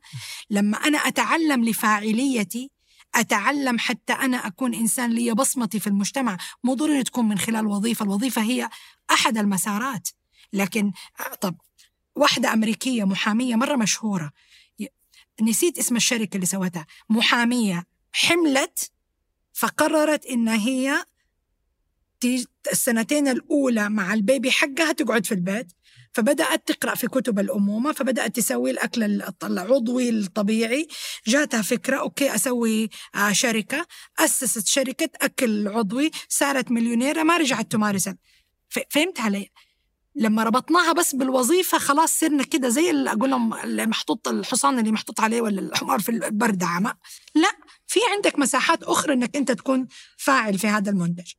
ال- ال- الجزئية الثانية أنا ليش أدرس وأخذ شهادة جامعية. وفي النهاية أقعد خلينا نسميها تحت رحمة زوج ما أعرف إيجي يخاف ربنا واستقلال مادية هنا يجي الثلاثة ال- ال- ال- السمات اللي أدت إلى وضع الأسرة المتفككة الآن. ودور الوالدين الضعيف. إيش هي أول شيء؟ أول شيء فهم مشوه للدين الإسلامي. المرأة ما تعرف حقوقها المالية ولا تعرف كيف تكون ثروة بدون وظيفة. ما عندنا هذه العقلية المالية إطلاقا. الأمر الآخر المرأة ما هي قادرة تستوعب هي كيف تستطيع أن هي تاخذ حقوقها وواجباتها في منظومة حقوقية إسلامية. يعني إحنا ما إحنا قادرين نستوعب هذا الشيء. أعطيك مثال. لما أجي أنا موظفات خليني أقول لك بنات بلدي سعوديات. في مكان كنت أشتغل فيه آخر الشهر راتبها 4000 6000 8000 إيش يسووا فيها حاتم؟ يروحوا يشتروا فيها شنطة ماركة. راحت تاني يوم جابت شنطة جوتشي شنطة إلفي. يا بنتي! طيب طيب هل شلتي جزء؟ ترى انت ممكن آه لعبال ما تخلصي ست سنوات انت ممكن تتملكي شقة الشقة دي تأجريها وتجيب لك. فهمت علي؟ فالمنظومة في في التعليمات الإسلامية عندنا إحنا أنا أقدر أستطيع إني أنا أكمل أعمل ثروتي مو فقط من عن طريق الوظيفة، الوظيفة مساحة، الإرث مساحة أخرى، المهر مساحة مساحة ثالثة، العقل الريادي، أنت عندك السيدة خديجة رضي الله عنها زوجة الرسول صلى الله عليه وسلم خديجة بنت خويلد، كان حجم ثروتها ثلث ثروة قريش. هل هي نزلت السوق بنفسها؟ هل هي مسكت الوظيفة بنفسها؟ رأس. طب من فين أنا أقدر أجيب رأس المال؟ خليني أنا أتكلم معك على حياة البنت الجامعية كمواسم. طيب خلينا نبدأ بالبنات اللي في في في الجامعات الحكومية. ما أدري لسه بياخذوا 990 ريال و890 ريال ولا لا. طيب عندك الكتاب هذا المشهور حق الثقافة المالية بور داد ريتش داد الأب الغني الأب الفقير؟ الأب الغني الأب الفقير. يقول لك طالب في ثالث ثانوي كل شهر يحوش يدخر 100 دولار اللي هو 375 ريال حطها في محفظة استثمارية بنكية تجيب عائد 4% عمره 16 سنة بدأ ده الشيء. لما صار عمره 60 سنة عنده في البنك مليون ونص دولار يعني 5 مليون ريال. حلوين. ما عمري أنا أعتمد على الشخص اللي موجود في حياتي. فلما إحنا نعلمهم العقلية المالية والثقافة المالية ما زوجي مسؤول عن نفقتي. أبويا مسؤول عن نفقتي بس هذه النفقة مو عشان أروح أشتري فيها شنطة وأعمل فيها أركب فيها رموش ولا أتفسح فيها. أنا لو فكرت في استقلالي المادي هذه النفقة أنت بتعطيك المساحة. هو يعني أعتبر أخي النفقة بدل الراتب. إيش الفرق؟ ليش لما أخذتها من زوجي شفتها استقلال في أنا ولما أخذتها من المو... اللي بيوظفني؟ ما هي فاهم؟ هي هي على العقلية المالية ما هي على من فين بتيجي الثروات. الجزئية الثالثة زوج ما أعرف ارحمني احترمني. هنا تيجي مهارات اختيار شريك الحياة. إحنا لا فهمنا الخطبة الشرعية بطريقة صحيحة ولا فهمنا إيش هي أبجديات الزواج ولا شيء. عندك أنت دكتور جاري تشابمان في كتاب اسمه Things I Wish I'd Known. Before we got married. أعتقد في نسخة منه مترجمة بس ما اعرف legit ولا يعني آه يعني ترجمة جيدة أم لا, لا. آه. يعني قانوني يعني آه. بحقوق فكرية ولا لا؟ لأنها وصلتني عن طريق PDF يعني. آه اسمها يجوز يجوز. أمور يجب أن نتعلمها قبل أن نتزوج. فصلين حاطط فيها في الأول يقول لك الحب حاجة تعدي بعد سنتين خمس سنوات يعني كلام جدي طلع صح؟ كلام جدي طلع صح. ويجي يتكلم فيها عندك الجانب المالي.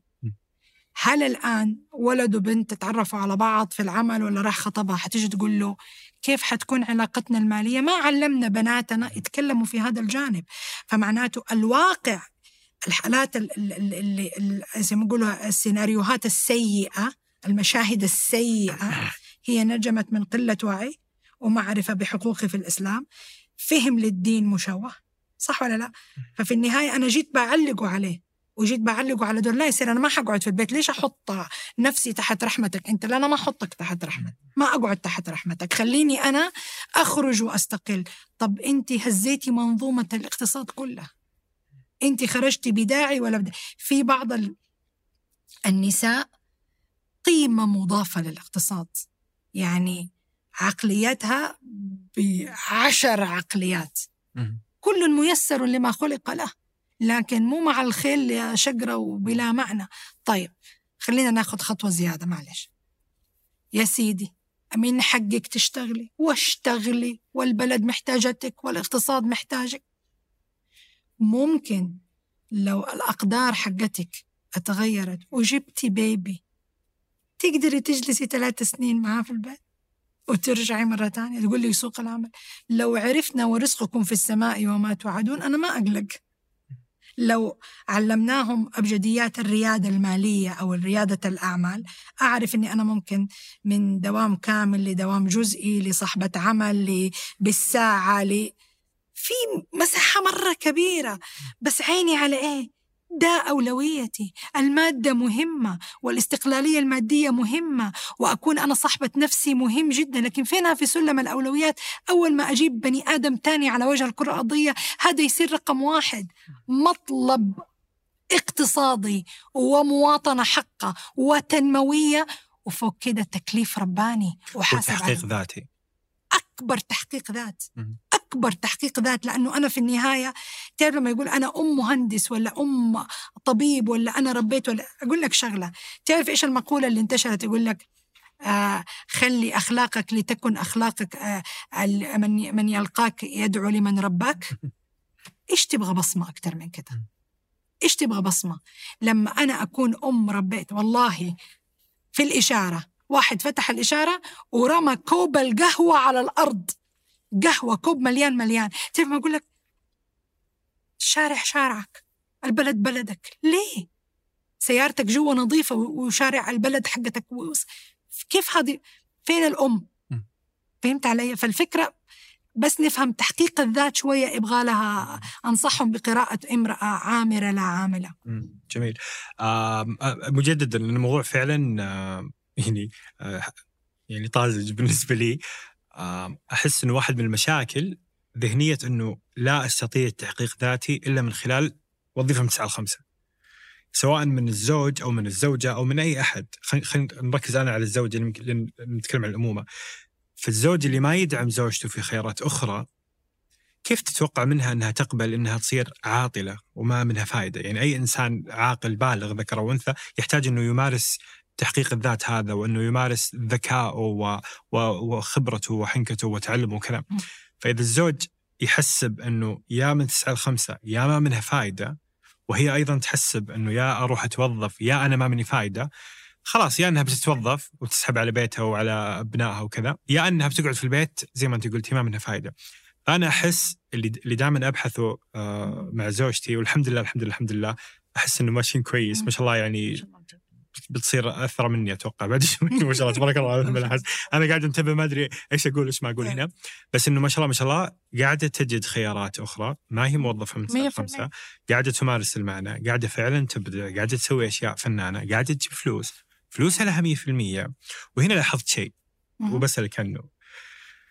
بحط بضحي بقصتي الشخصية ومشكلة قصة زوجتي. آه لما ما شاء الله لقيت الحلول هذه وصار عندها فلوس. هي بشكل طوعي تيجي تقول اسمع ليه ما نحط أنا وياك ونسوي كذا؟ أشياء للبيت مثلا. ليه ما نروح شقة أكبر مثلا؟ وأنا أدفع مثلا نص. ليه, ليه؟ بشكل طوعي تماما. مع إني أنا حريص إنه هذا ما شيء شيء ما يدخل ابدا. فصرت أنا أقول لها فلوسك لك خليها. يعني أتذكر ذهب أمي وذهب جداتي والذهب اللي عند الأجداد والجدات الجدات النساء. أحس إنه كان هو هذا الأمان المالي إنه عندي ذهبي.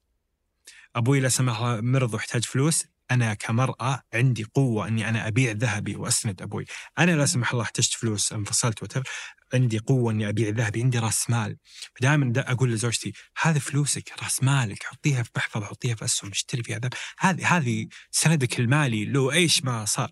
أحس حتى أحيانا بحسن نية البنت اللي عندها فلوس من ورث حتى بعضهم كثير مشاكل تورث فلوس وتعطيها لزوجها أحس إنه هذا شيء خط أحمر.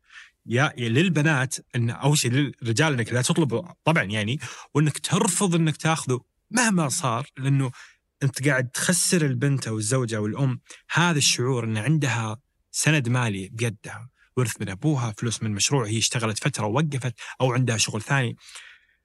فكيف تشوف إنه لازم البنت توازن هذه الفكرة؟ التوعية والتأهيل هي كلها عبارة عن عقلية. it's mindset يعني أعطيك مثال. لما أنت الآن بتقول لي اوجدت خيارات ما شاء الله جل بالله. هذه الخيارات جات من قناعة إنه عدم دخولي في مساحة الوظيفة ما هي آخر الدنيا. لما هي كانت ممتلئة من الداخل فصار عندها مساحة إنها هي تعطي خيارات العطاء ظهرت عندها هي. لكن لما أنا بقول يلا مين يقبلني ومين يحطني في هذه الوظيفة؟ طب بس أسألك سؤال. أنت لو رجعت أنت تقدر من هذه القصة ترجع تدرس تقول إيش الخلفية التعليمية اللي أخذتها؟ إيش الخيارات اللي كانت موجودة عندها؟ في كانت معطيات في تشكيل عقلها وذاتها أعطتها هذه المساحة اللي هي بتفكر. اللي قالت لها ما هي نهاية الدنيا لما أنت تتفرغي لأمومتك وعطائك ممكن ياخذ أوجه مختلفة بس لأنه ما كان تحقيق ذاتي مرتبط بالناس إيش يقولوا. إحنا عندنا ترى قضية ال- الوظيفة ما أبغى أحد يفهمنا إنه إحنا ضد خروج المرأة لسوق العمل. الفكرة ترى الوظيفة ما هي بصمتك الوحيدة. زي ما هي أمومتك ما هي بصمتك الوحيدة ولكن أول شيء الحياة مواسم. صح ولا لا؟ اجلسي في البيت اصنعي. أنت عندك أهم أكثر فترة حساسة في حياة الطفل أول ثلاثة سنوات. هذه اللي أسميها خط أحمر. يعني أنا أتمنى الدولة تعمل قانون أي امرأة تلد في مستشفى يعملوا بلوك يح يحجبوا قدرتها على الوظيفة إلا بالنظر بأمر في محكمة. من كتر ما أنا أقول لك خطيرة. طيب عشان كده يمكن ما يخلوني أقرب الجانب التشريعي. لا ما ما أقدر تعرف ما أقول لك أنا ممكن أبكي من كتر ما أنا أنفعل على هذه الثلاث سنوات بعد كده ضيف عليها أربع سنوات هي حقة غرس القيم. أنت بتبني هنا part time تشتغل. مو هي تشتغل part time تعمل ال business فا- فاهم علي؟ لأنه الطفل في يعني تخيل حتى علاقات الم- المجتمعية الاجتماعية حقت الطفل مين الزوجة والزوج اللي حيختاروه في المستقبل حيكون مرتبط جودة العلاقة حتكون مرتبطة بجودة العلاقة التعلق جانب التعلق مع الوالدين اللي كانوا موجودين في حياتهم. فاضيين انت ما تعرف لما أقول لك زي المبرمج اللي قاعد وراه لهذه الدرجة. طيب في عندي نموذج في دولة الكويت بدون ذكر أسماء. تقول لك أول وظيفة مسكتها لما أصغر طفل عندها دخل سنة أولى ابتدائي. وما شاء الله ناجحة. على قولهم آه، راتب ستة أصفار مين قال لما أدخل سوق العمل وأنا عمري 30 ولا عمري 40 ولا عمري 25 أتأثر؟ هنا نرجع للجانب العقيدي. لما أنا أستوعب أنه رزقي محفوظ بدأت 20 ولا بدأت 30 ما حد حياخد أكتر من رزقه. لو أنا ضحيت بابني في النهاية اللي حاكله حاكله سواء استنيت 40 ولا 30 ولا 20 لما أنا أستوعب هذه المنظومة ساعتها أنا حكون جالسة وقلبي قاعد على كراسي أعرف ساعتها أنا الآن هذه مساحة اللي أقدم فيها. بعدين هذه المساحة. طيب. سويسرا. آه، سويسرلاند لما قلت لك في الأزمة المالية إجازة الأمومة. 96 شهر راتب كامل مدفوع. أوف. بعدين زود عليها أظن سنة part time بعد كده سنة أنت أنت مستوعب؟ يعني 96 شهر؟ 96 شهر خمسة سنوات حاجة زي كده. شيء خنفشاري في شركة by the way على فكرة في مدينة جدة ما أدري إذا أقول الاسم ولا ما أقول الاسم جابوني كمستشارة كانوا بدهم يحطوا النظام للسيدات اللي بيشتغلوا زي على على ال- ال- النموذج هذا. 96 شهر هذا يمكن مجدي للحكومة بس كشركة خاصة كيف أبرر هذا من حقها تطالب فيها من حقها. وبعد كده يقول لك في بعدين إيه سنه أول شيء آه، آه، راتب كامل ما- ماني فاكرة كم شهر. بعدين يتحول لعمل عن بعد آه، دوام جزئي. بعدين حضوري دوام جزئي. إلين يرجعوا يعملوا لها آه، ت- رجعة ثانية يمر خمس سنوات من عمر الطفل. هي ما زالت تقدم للاقتصاد ولكن بمراعاة لدورها الثاني. لدورها الأهم لدورها الجوهري للي ما في مخلوق على وجه الكرة الأرضية يقدر يسد هذا المسد. ما في أحد. لذلك أنت حتى لما تيجي تقول لي طب وعندهم القانون حق إجازة الأبوة؟ حتى الأب لو بده يساهم في تربية الطفل آه، دكتور جابور آه، متي آه، جابور متي يقول لك ال- ال- الأمومة ترى ما هي جندرية. هي أنت متى تكون في حياة الطفل وكيف تكون أنت ملاصق للطفل؟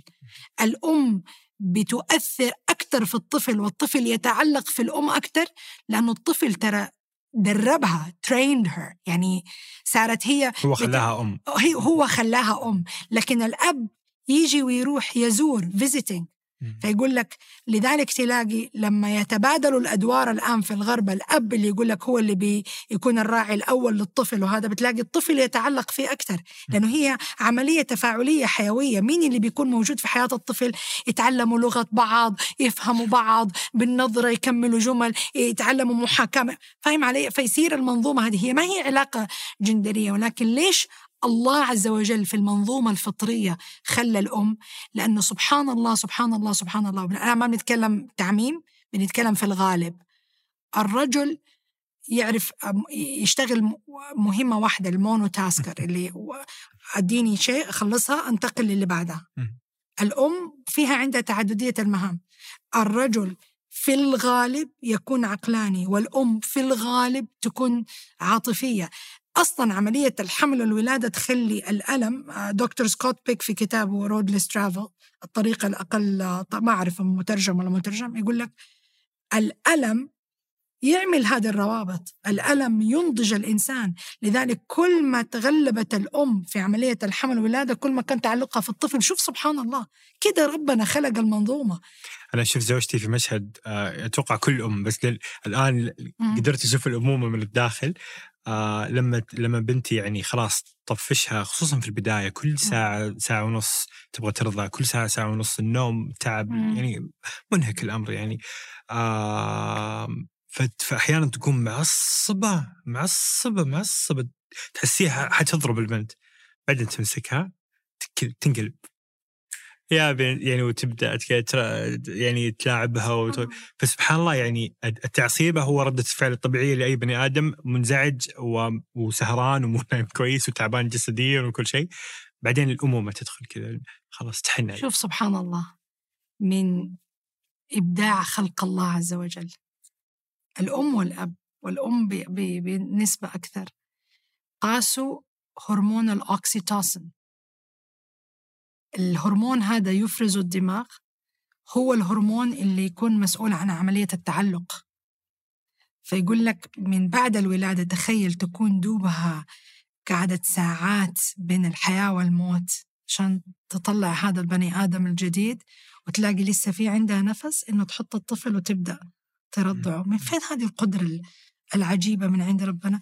يقول لك ربنا خلق هذا الهرمون عشان يعطيها القدرة إن هي تنجز هذه المهمة عشان يحمي هذا الطفل ويعطي له يلبي له احتياجاته بدون أدنى شك لأنه ما حد يقدر حيعطي له الحليب إلا هي. ف... فالله عز وجل أعطاها هذا الشيء.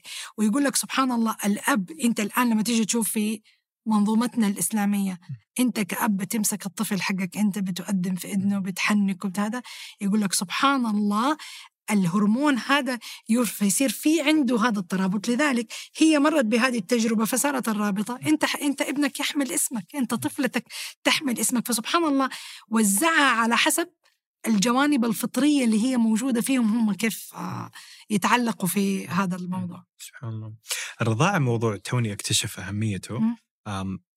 فالمرأة إذا خرجت لسوق العمل بشكل كامل يصير الرضاعة الطبيعية صعبة جدا. فتلجأ مثل الكثير إلى الرضاعة الصناعية. الآن أنا قاعد أكتشف يعني كل ما نقابل دكتور في أي مرحلة من مراحل الحمل والولادة يقول أرجوكم لا ترضعوا صناعي. نقول له لا لا ما عليك إن شاء الله طبيعي. أرجوكم لا لين ما قعدت أبحث الموضوع واكتشفت إلى أي درجة يعني خلينا نقول أفضل إنك ترضع طبيعي ولا أي درجة يعني حرام في حق الطفل إنك ترضع صناعي.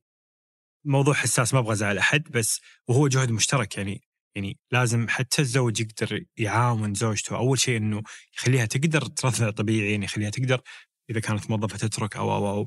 جهد مشترك حقيقه. بس موضوع صادم وبحط لكم فيديو في, في لازم. بحط لكم فيديو عن موضوع الرضاعة الطبيعية وكيف الصناعيه وكيف بدأت وكيف كانت الشركات.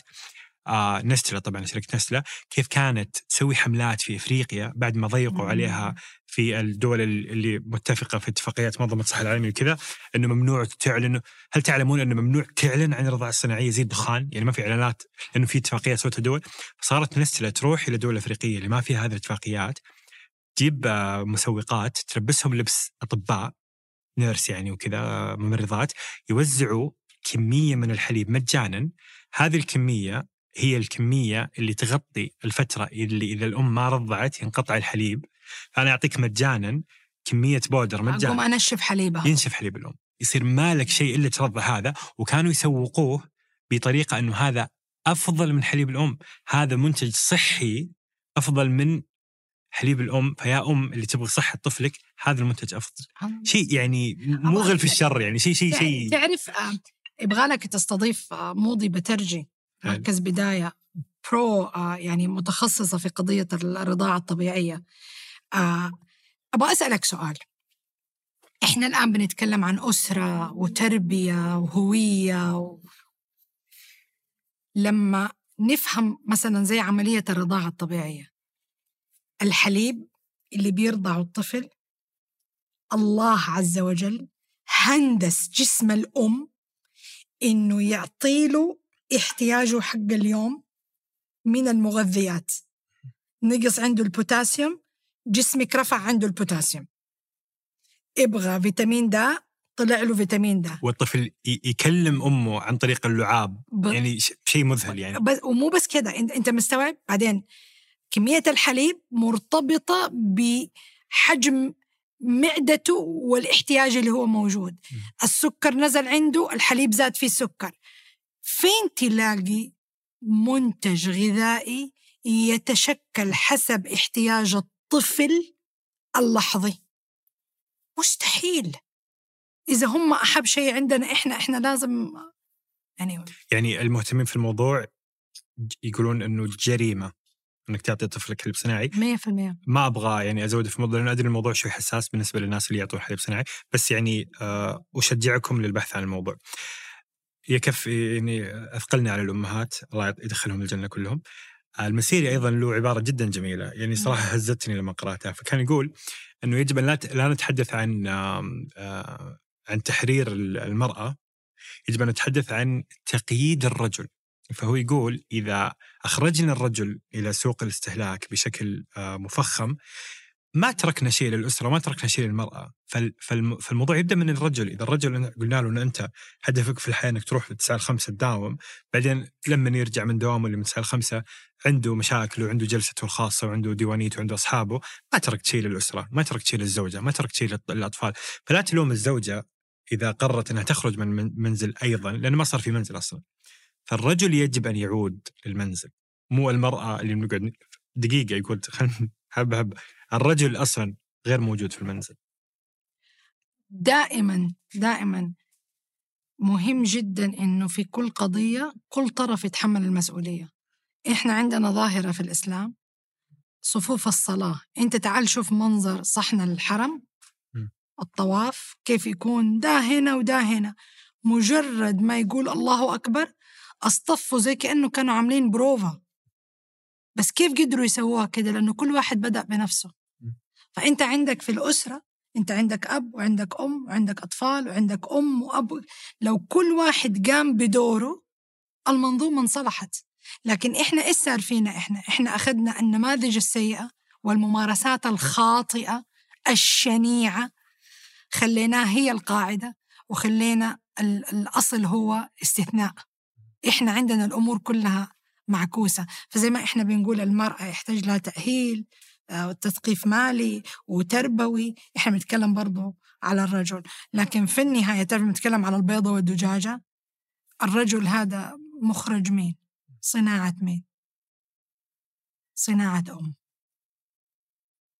فأنا مو بقول هي الملامة ولا بقول هي المسؤولة لكن هي نقطة البداية وهي نقطة النهاية وهي الأول والآخر.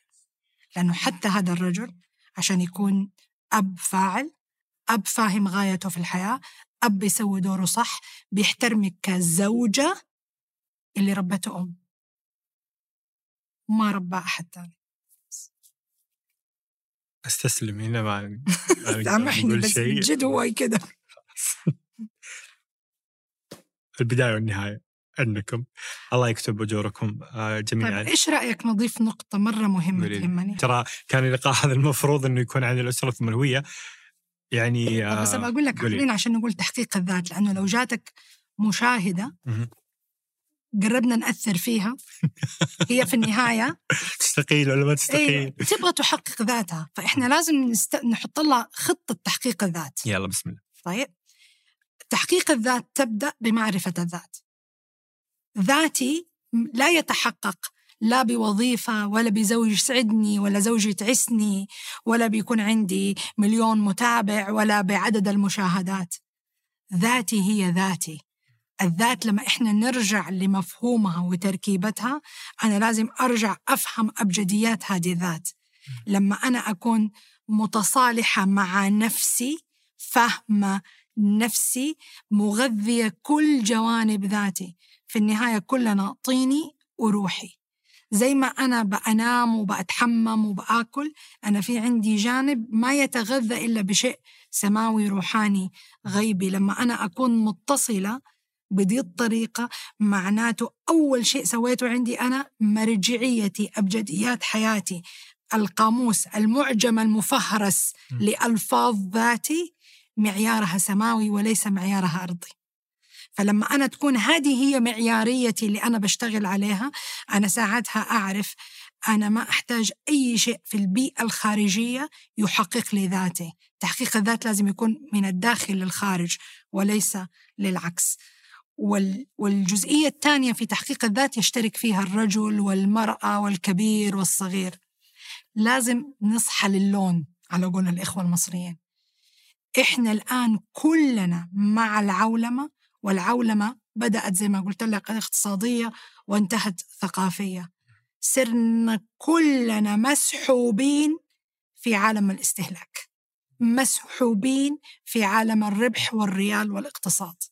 مسحوبين بعيدا عن ذواتنا.